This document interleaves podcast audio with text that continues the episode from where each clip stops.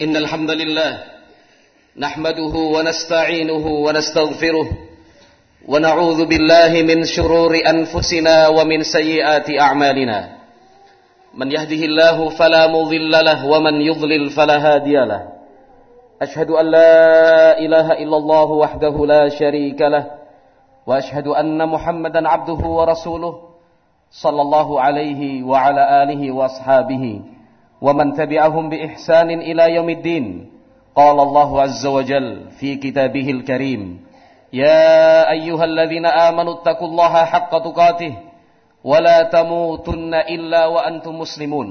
ويقول سبحانه يا أيها الذين آمنوا اتقوا الله وقولوا قولا سديدا يصلح لكم أعمالكم ويغفر لكم ذنوبكم ومن يطع الله ورسوله فقد فاز فوزا عظيما.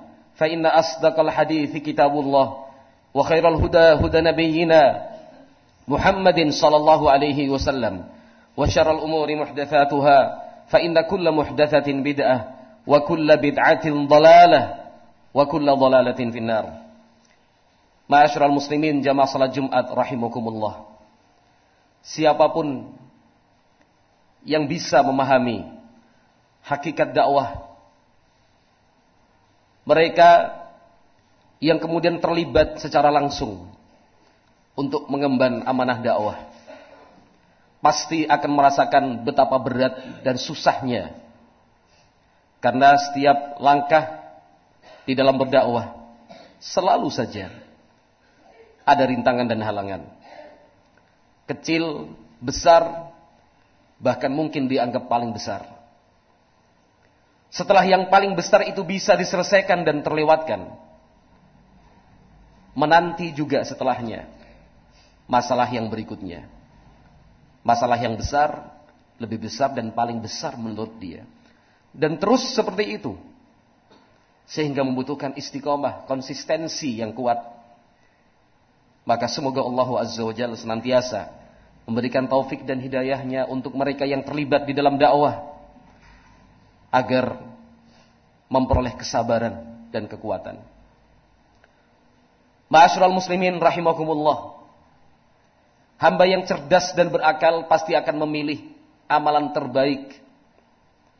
Padahal di dalam salah satu ayatnya Allah Azza wa Jal menerangkan wa man ahsanu qawlan mimman da'a ila Allah wa amila salihan wa qala innani minal muslimin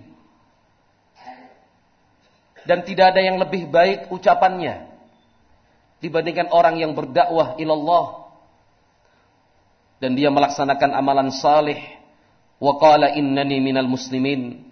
Dan dia menyatakan sungguh aku adalah seorang muslim. Bagian dari keumuman kaum muslimin. Ayat ini ma'asyiral muslimin adalah hiburan. Bahkan bisa dikatakan adalah hiburan terbesar bagi mereka yang merasakan beratnya dakwah untuk mereka yang mengorbankan waktu, harta, tenaga, pikiran, semua yang telah tercurahkan. Hiburannya adalah firman Allah Azza wa Jal. وَمَنْ أَحْسَنُ قَوْلًا مِمَّنْ دَعَى إِلَى اللَّهِ Tidak ada yang lebih baik. Apabila dibanding-bandingkan, dibuat secara berurutan, yang terbaik adalah mereka yang berdakwah ilallah menyampaikan qala Allah, menyampaikan qala Rasulullah sallallahu alaihi wasallam, menjelaskan keterangan dari para ulama tentang ayat dan hadis Nabi sallallahu alaihi wasallam. Mereka yang berdakwah di jalan Allah Azza wa Jal harus merasakan pahit getirnya. Berpisah dengan keluarga, meninggalkan anak dan istri mereka, mencurahkan seluruh pikiran, mencurahkan pikiran, menghabiskan energi yang tidak sedikit. Berkorban harta, itu pasti. Karena kita tidak pernah, walhamdulillah, menginginkan harta dari dakwah yang disampaikan. Karena justru kita yang diharuskan untuk mengeluarkan harta demi dakwah ilallahi azza wa tenaga dan fisik kita. mestinya dihabiskan untuk dakwah ilallahi azza wa jal. Demi melaksanakan firman Allah subhanahu wa ta'ala, Wajahidu bi amwalikum wa anfusikum fi sabilillah. Berjuanglah kalian di jalan Allah, berjihad. Dakwah pun bagian dari jihad fi sabilillah. Dengan apa kita berjihad?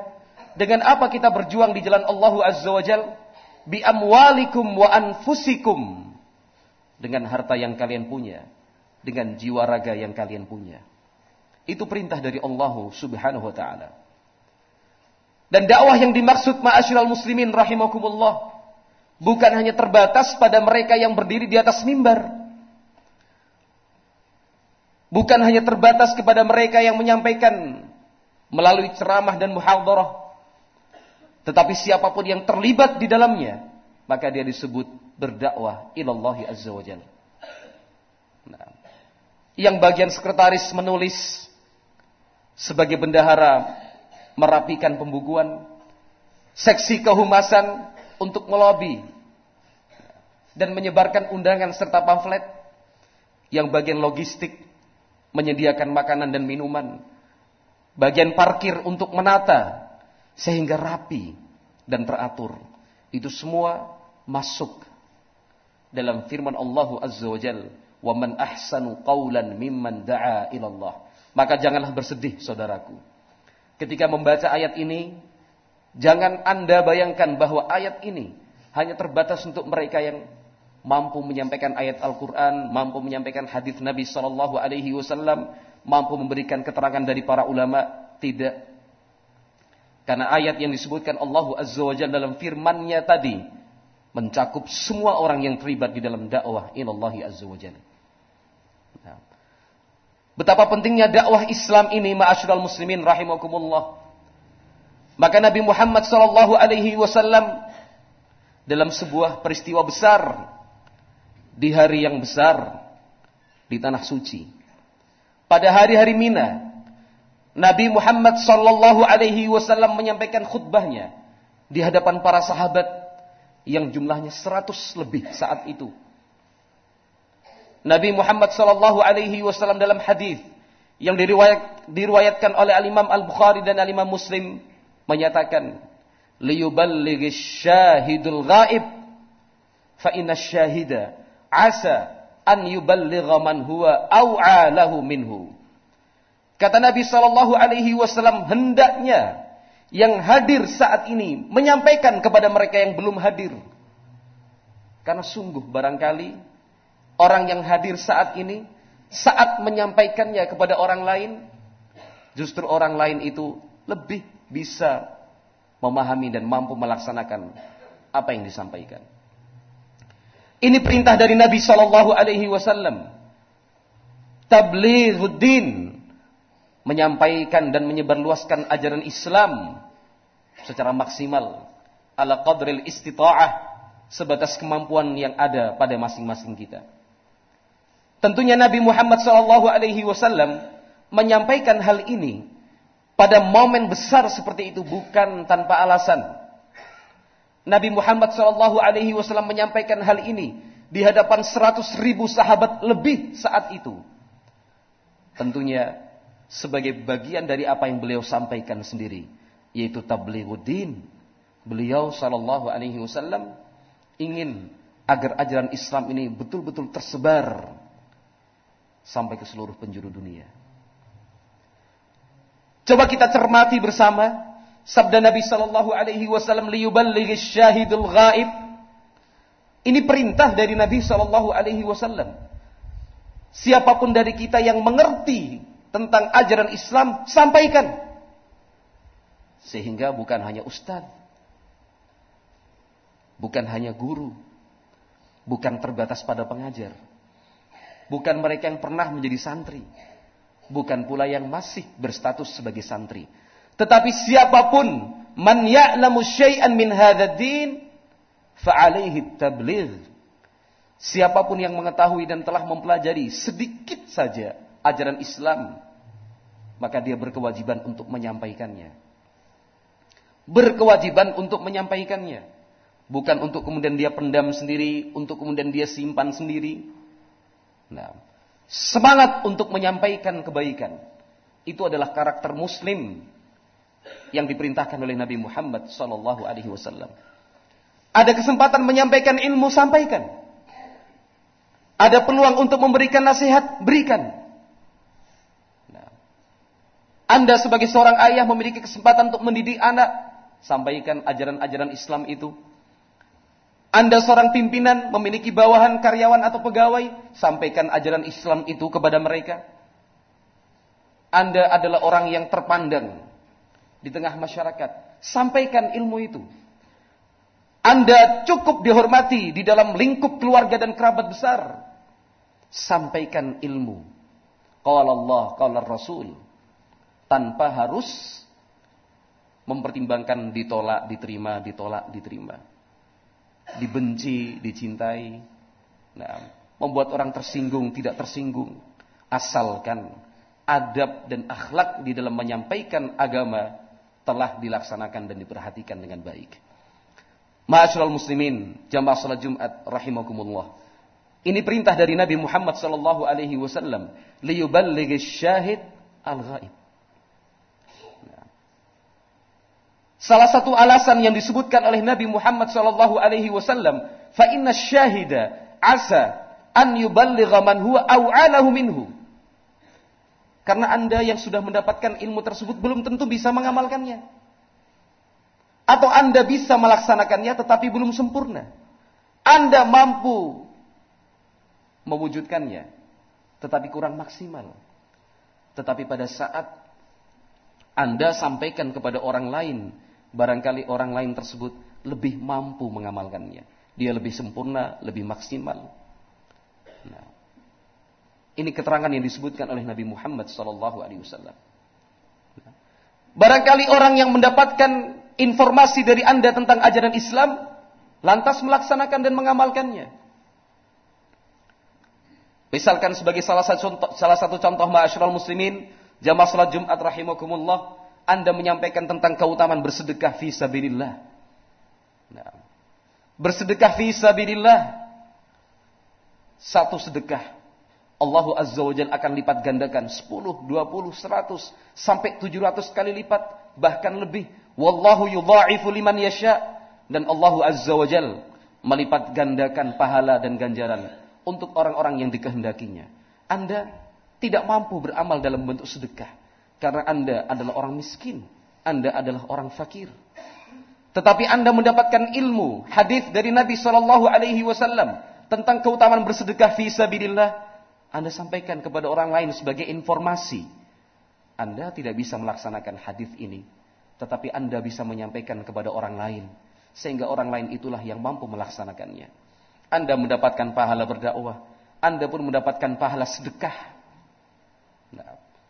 Sebagaimana yang telah dia berikan. Keutamaan yang besar disebutkan oleh Nabi Muhammad sallallahu alaihi wasallam. Pada hari Mina itu juga ma'asyiral muslimin, jamaah salat Jumat rahimakumullah. Di dalam hadis Abdullah bin Abbas radhiyallahu taala anhuma yang diriwayatkan oleh Imam Al-Bukhari rahimahullah Nabi sallallahu alaihi wasallam khataban nas bimina. Nabi menyampaikan khutbahnya pada hari-hari Mina. Farafa ra'sah. Nabi Muhammad sallallahu alaihi wasallam mengangkat kepala ke arah langit. Kemudian mengatakan Allahumma hal ballaghtu. Allahumma hal ballaghtu. Allahumma hal ballaghtu. Ya Allah. Saksikanlah. Bukankah aku telah melaksanakan tugas menyampaikan ajaran Islam? Ya Allah, saksikanlah. Bukankah aku telah melaksanakan tugas menyampaikan ajaran Islam? Tiga kali diulang oleh Nabi Muhammad sallallahu alaihi wasallam dan para sahabat menjawab, "Bala ya Rasulullah." Benarlah Anda wahai Rasulullah. Kami semua menjadi saksi bahwa Anda telah menyampaikan tugas menyebarkan ajaran Islam. Kata sahabat Ibnu Abbas radhiyallahu taala anhuma di dalam riwayat tadi, "Walladzi nafsi biyadihi innaha lawasiyatuhu li ummati falyuballighi syahidil ghaib sungguh demi Allah zat yang jiwaku ada di tangannya itulah wasiat terakhir salah satu wasiat terakhir yang disampaikan oleh Nabi Muhammad alaihi salatu wasallam untuk umat Islam maka hendaknya orang yang hadir menyampaikan kepada mereka yang tidak hadir Ma'asyiral muslimin jamaah salat Jumat rahimakumullah. Kata-kata yang diucapkan Nabi sallallahu alaihi wasallam tadi, Allahumma hal ballaghtu. Ya Allah, bukankah aku telah menyampaikan dan melaksanakan tugas menyebarkan ajaran Islam? Kata-kata dari Nabi sallallahu alaihi wasallam ini betul-betul tulus dan ikhlas dari hati beliau sallallahu alaihi wasallam. Dan para sahabat ketika mengatakan, "Bala ya Rasulullah." Benarlah Anda wahai Rasulullah. Ketika para sahabat siap menjadi saksi di hadapan Allah bahwa Nabi Muhammad alaihi salatu wasallam telah menyampaikan tugas menyebarluaskan ajaran Islam karena memang benar sahabat-sahabat Nabi radhiyallahu taala anhum ajmain telah menyaksikan secara langsung seperti apa dan bagaimana gigih dan sabarnya Nabi Muhammad Shallallahu Alaihi Wasallam menyampaikan ajaran Islam. Mulai dari saat ayat pertama diturunkan Allahu Azza wa Jal. Masih di kota Mekah. Bagaimana Nabi Muhammad alaihi salatu wasallam dibenci, dimusuhi, dicaci maki. Direndahkan, dihinakan, dilecehkan. Apakah itu kemudian membuat semangat Nabi Muhammad sallallahu alaihi wasallam luntur? Tidak. Beliau terus menjaga semangat di dalam berdakwah. Ketika satu persatu masyarakat Quraisy menyambut dakwah Nabi Muhammad alaihi salatu wassalam. Apakah permusuhan dan kebencian mereka kemudian berkurang? Tidak. Semakin bertambah, bahkan memuncak. Nah. Puncak-puncaknya ma'asyiral muslimin Ketika orang-orang Quraisy di Darun Nadwah di gedung pertemuan besar mereka. Tokoh dan perwakilan dari kabilah-kabilah Quraisy datang berkumpul untuk mengambil satu keputusan. Langkah apa yang akan diambil untuk menghentikan dakwah Islam. Masing-masing memberikan pendapatnya, sarannya. Kemudian akhirnya mereka sepakat untuk memilih satu perwakilan dari tiap-tiap kabilah untuk membunuh bersama-sama Nabi Muhammad sallallahu alaihi wasallam. Nah, mereka sepakat untuk membunuh Nabi sallallahu alaihi wasallam. Kemudian Allah Azza wa Jalla selamatkan Nabi Muhammad sallallahu alaihi wasallam. Puncak-puncaknya bukan cuma rencana, tetapi 12 orang perwakilan dari 12 kabilah benar-benar telah membawa pedang tajam mereka dan telah mengepung rumah Nabi Muhammad sallallahu alaihi wasallam. Tetapi Allah Azza wa Jalla selamatkan Nabi sallallahu alaihi wasallam.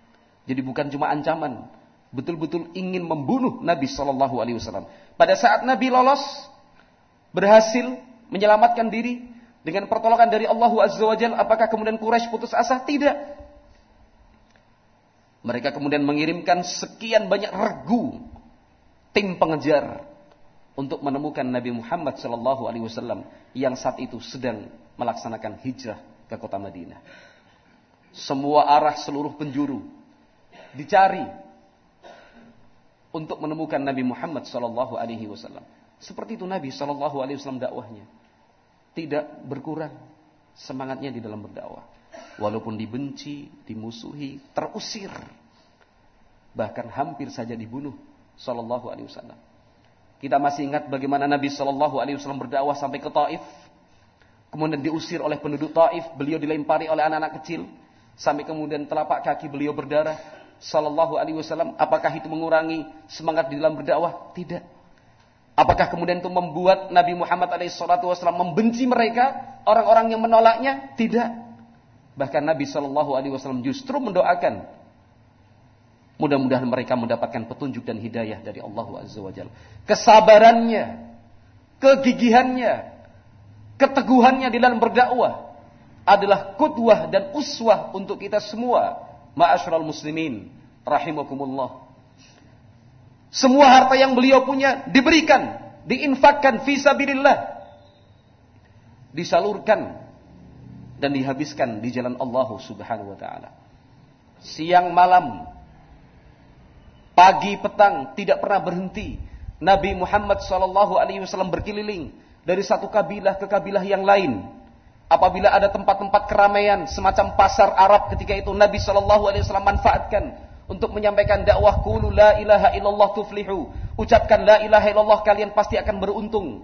Apalagi pada saat musim-musim haji. Ketika sekian banyak manusia datang dari berbagai penjuru ke kota Mekah untuk melaksanakan ibadah haji. Haji dengan tata cara jahiliyah. Nabi Shallallahu Alaihi Wasallam memanfaatkan kesempatan dan momen itu untuk menyampaikan Islam. Beliau Shallallahu Alaihi Wasallam pernah mengumpulkan kerabat dan seluruh keluarganya. Kemudian beliau berada di atas bukit di kota Mekah. Semuanya dikumpulkan.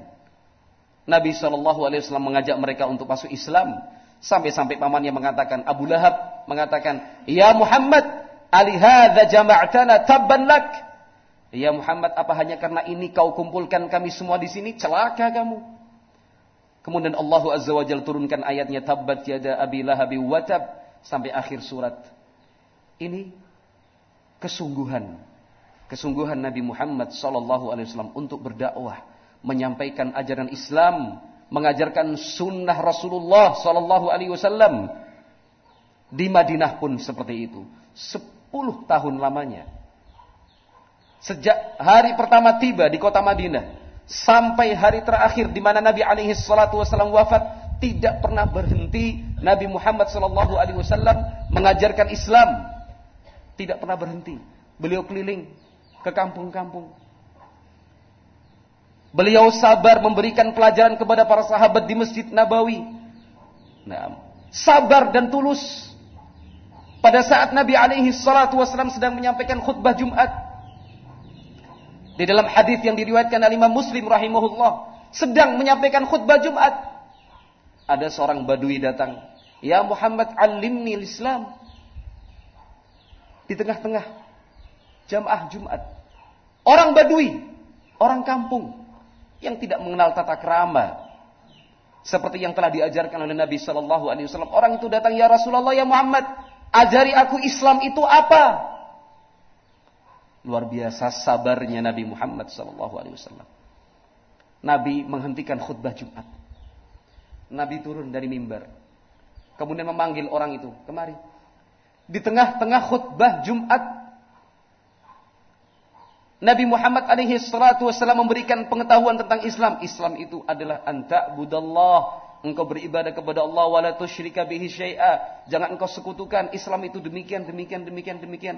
Setelah dirasa cukup, Nabi Muhammad sallallahu alaihi wasallam naik kembali ke mimbar melanjutkan khutbah Jumatnya. Sabarnya luar biasa. Itu Nabi sallallahu alaihi wasallam. Nah, sampai menjelang wafatnya, Nabi Shallallahu Alaihi Wasallam masih mengajarkan apa yang dimaksud dengan semangat di dalam berdakwah itu. Hadis dari Ummu Salamah radhiyallahu anha. Istri Nabi Shallallahu Alaihi Wasallam. Beliau menceritakan untuk kita kata-kata terakhir yang diucapkan Nabi Shallallahu Alaihi Wasallam itu apa?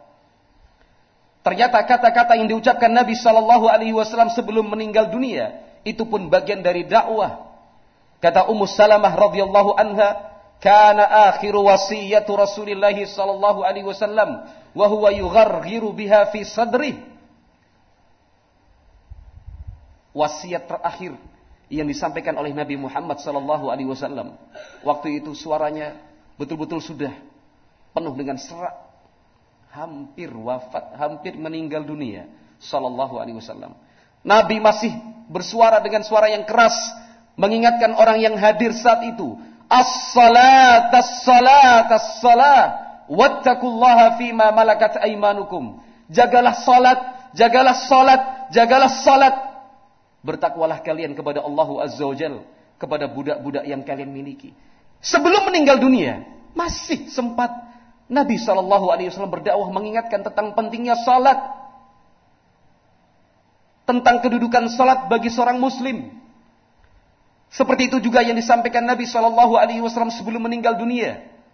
Sebelum meninggal dunia, Nabi Shallallahu Alaihi Wasallam menyatakan, "La'anallahu al-Yahuda wan Nasara, ittakhadhu kubur anbiya'ihim masajid." Allah melaknat orang-orang Yahudi, melaknat juga orang-orang Nasrani karena mereka menjadikan kubur para nabi sebagai masjid tempat ibadah. Sampai sebelum meninggal dunia. Sampai sebelum meninggal dunia. Nabi Shallallahu Alaihi Wasallam tidak berhenti berdakwah. Maka, Ma'asyiral muslimin, jamaah salat Jumat rahimakumullah. Ingatlah baik-baik sabda Nabi Shallallahu alaihi wasallam yang disebutkan oleh Al Imam Al Bukhari rahimahullah di dalam hadisnya yang sahih Nabi mengatakan balighu anni walau ayah. Sampaikanlah ajaranku dariku yaitu dari Nabi Muhammad sallallahu alaihi wasallam. Sampaikan, terangkan, jelaskan. Sebarluaskan, informasikan ajaran-ajaran Nabi Muhammad sallallahu alaihi wasallam walaupun hanya satu ayat. Dan sekali lagi tugas dan kewajiban ini bukan hanya diemban oleh mereka yang kita posisikan sebagai ustaz, sebagai guru, sebagai pengajar. Tetapi setiap muslim yang mengucapkan kalimat La ilaha illallah Muhammad Rasulullah memiliki kewajiban yang sama. Setelah dia mendapatkan ilmu, dia berkewajiban untuk menyampaikannya kepada orang lain. Wallahu a'lam bishawab. Mudah-mudahan Allah Azza wa Jalla senantiasa memberikan kesabaran dan keteguhan untuk kita semua di dalam menjalani dakwah ilallahi azza wa jalla. Walhamdulillahi rabbil alamin.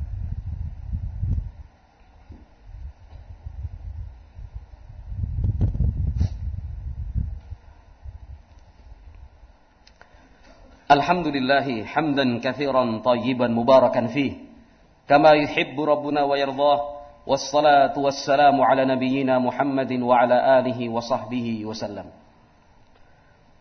Ma'asyiral muslimin jamaah salat Jumat rahimakumullah untuk melaksanakan tugas tadi tugas menyampaikan Islam secara maksimal bukan hanya terbatas pada kita-kita saja, tetapi kepada seluruh masyarakat muslimin, bahkan bila perlu dan memungkinkan. Ajaran Islam ini sampaikan kepada mereka yang kafir, yang non-muslimin. Barangkali mereka kemudian tertarik masuk Islam, mendapatkan hidayah dari Allah Azza wa Nah, untuk melaksanakan tugas dan kewajiban ini, tidak akan mungkin bisa tertunaikan dengan baik apabila kita tidak memiliki ilmu. Apa yang akan kita sampaikan? Tugas ini pun tidak akan mungkin terlaksana dengan baik apabila kita tidak memahami cara menyampaikannya. Yang dikhawatirkan semangat kita untuk berdakwah, semangat kita untuk menyampaikan ajaran Islam ternyata justru hasil yang diharapkan berbalik bukannya orang tertarik, justru lari menjauh. Kenapa? Cara penyampaian kita yang ternyata tidak sesuai dengan yang dituntunkan oleh Nabi Muhammad wasallam. Tetapi ingat ma'asyiral muslimin, hal ini bukan dijadikan alasan untuk kemudian kalau begitu saya tidak akan berdakwah. Kalau demikian saya tidak akan menyampaikan. Khawatir malah salah. Ini bukan alasan. Tetapi justru hal ini melecut semangat kita memompa tekad kita untuk memanfaatkan waktu yang tersisa. Belajar. Pelajari ilmu apa yang akan disampaikan. Pelajarilah bagaimana cara untuk menyampaikan ilmu. Bukan kemudian duduk santai, bermalas-malasan, menghabiskan waktu di luar majelis ilmu. Ini langkah yang salah. Ya. Apa kita tidak takut termasuk orang-orang yang mengabaikan perintah Nabi Shallallahu Alaihi Wasallam. Ingat pada khutbah yang pertama tadi yang disampaikan Nabi Alaihi Wasallam dalam bentuk perintah liyuballighi syahid al ghaib juga dalam dalam bentuk perintah balighu anni walau ayat. Tentunya kita tidak tidak akan berani untuk melawan perintah Nabi Shallallahu Alaihi Wasallam Tentunya kaum muslimin ketika mendengar perintah dari Nabi sallallahu alaihi wasallam, innama kana qaulal mu'minin idza du'u ila wa rasulih an yaqulu sami'na wa ata'na. Ketika kita mendengar perintah dari Nabi sallallahu alaihi wasallam, maka sikap seorang muslim adalah sami'na wa ata'na. Kami mendengar dan kami taat. Bukan cuma mendengar, tetapi siap untuk melaksanakan perintah tersebut. Nah, perintah-perintah yang telah kita dengar tadi, perintah berdakwah, perintah untuk menyebarluaskan tuntunan dan ajaran Nabi Muhammad sallallahu alaihi wasallam tidak boleh diabaikan, tidak boleh dilupakan, tetapi harus diperhatikan. Maka kita harus berusaha, ma'asyiral muslimin, bagaimanakah cara dan langkahnya agar bisa melaksanakan perintah Nabi sallallahu alaihi wasallam menyebarluaskan dakwah Islam. Menyebarluaskan Al-Quran, menyebarluaskan sunnah Nabi Sallallahu Alaihi Wasallam, menyebarluaskan pemahaman as-salafus salih dengan maksimal, walaupun berkorban waktu, berkorban harta, berkorban tenaga, berkorban perasaan, karena Allah Azza wa Jal akan memberikan ganti yang jauh lebih baik. Kalau tidak di dunia, mudah-mudahan di akhirat nanti. Semoga ma'asyiral muslimin jamaah salat Jumat rahimakumullah semangat kita untuk berdakwah ya, selalu terjaga.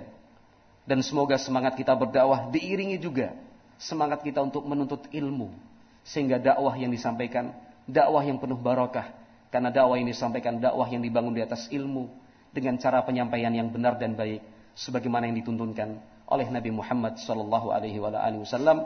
Mudah-mudahan Allah Azza wa Jal memilih kita sebagai hamba-hambanya yang mampu menjalankan dan melaksanakan dakwah dengan baik. Wallahu alam bisawab. Nah, subhanakallahumma wa bihamdik asyhadu an la ilaha illa anta astaghfiruka wa atubu ilaik. Walhamdulillahirabbil alamin wa aqimis shalah.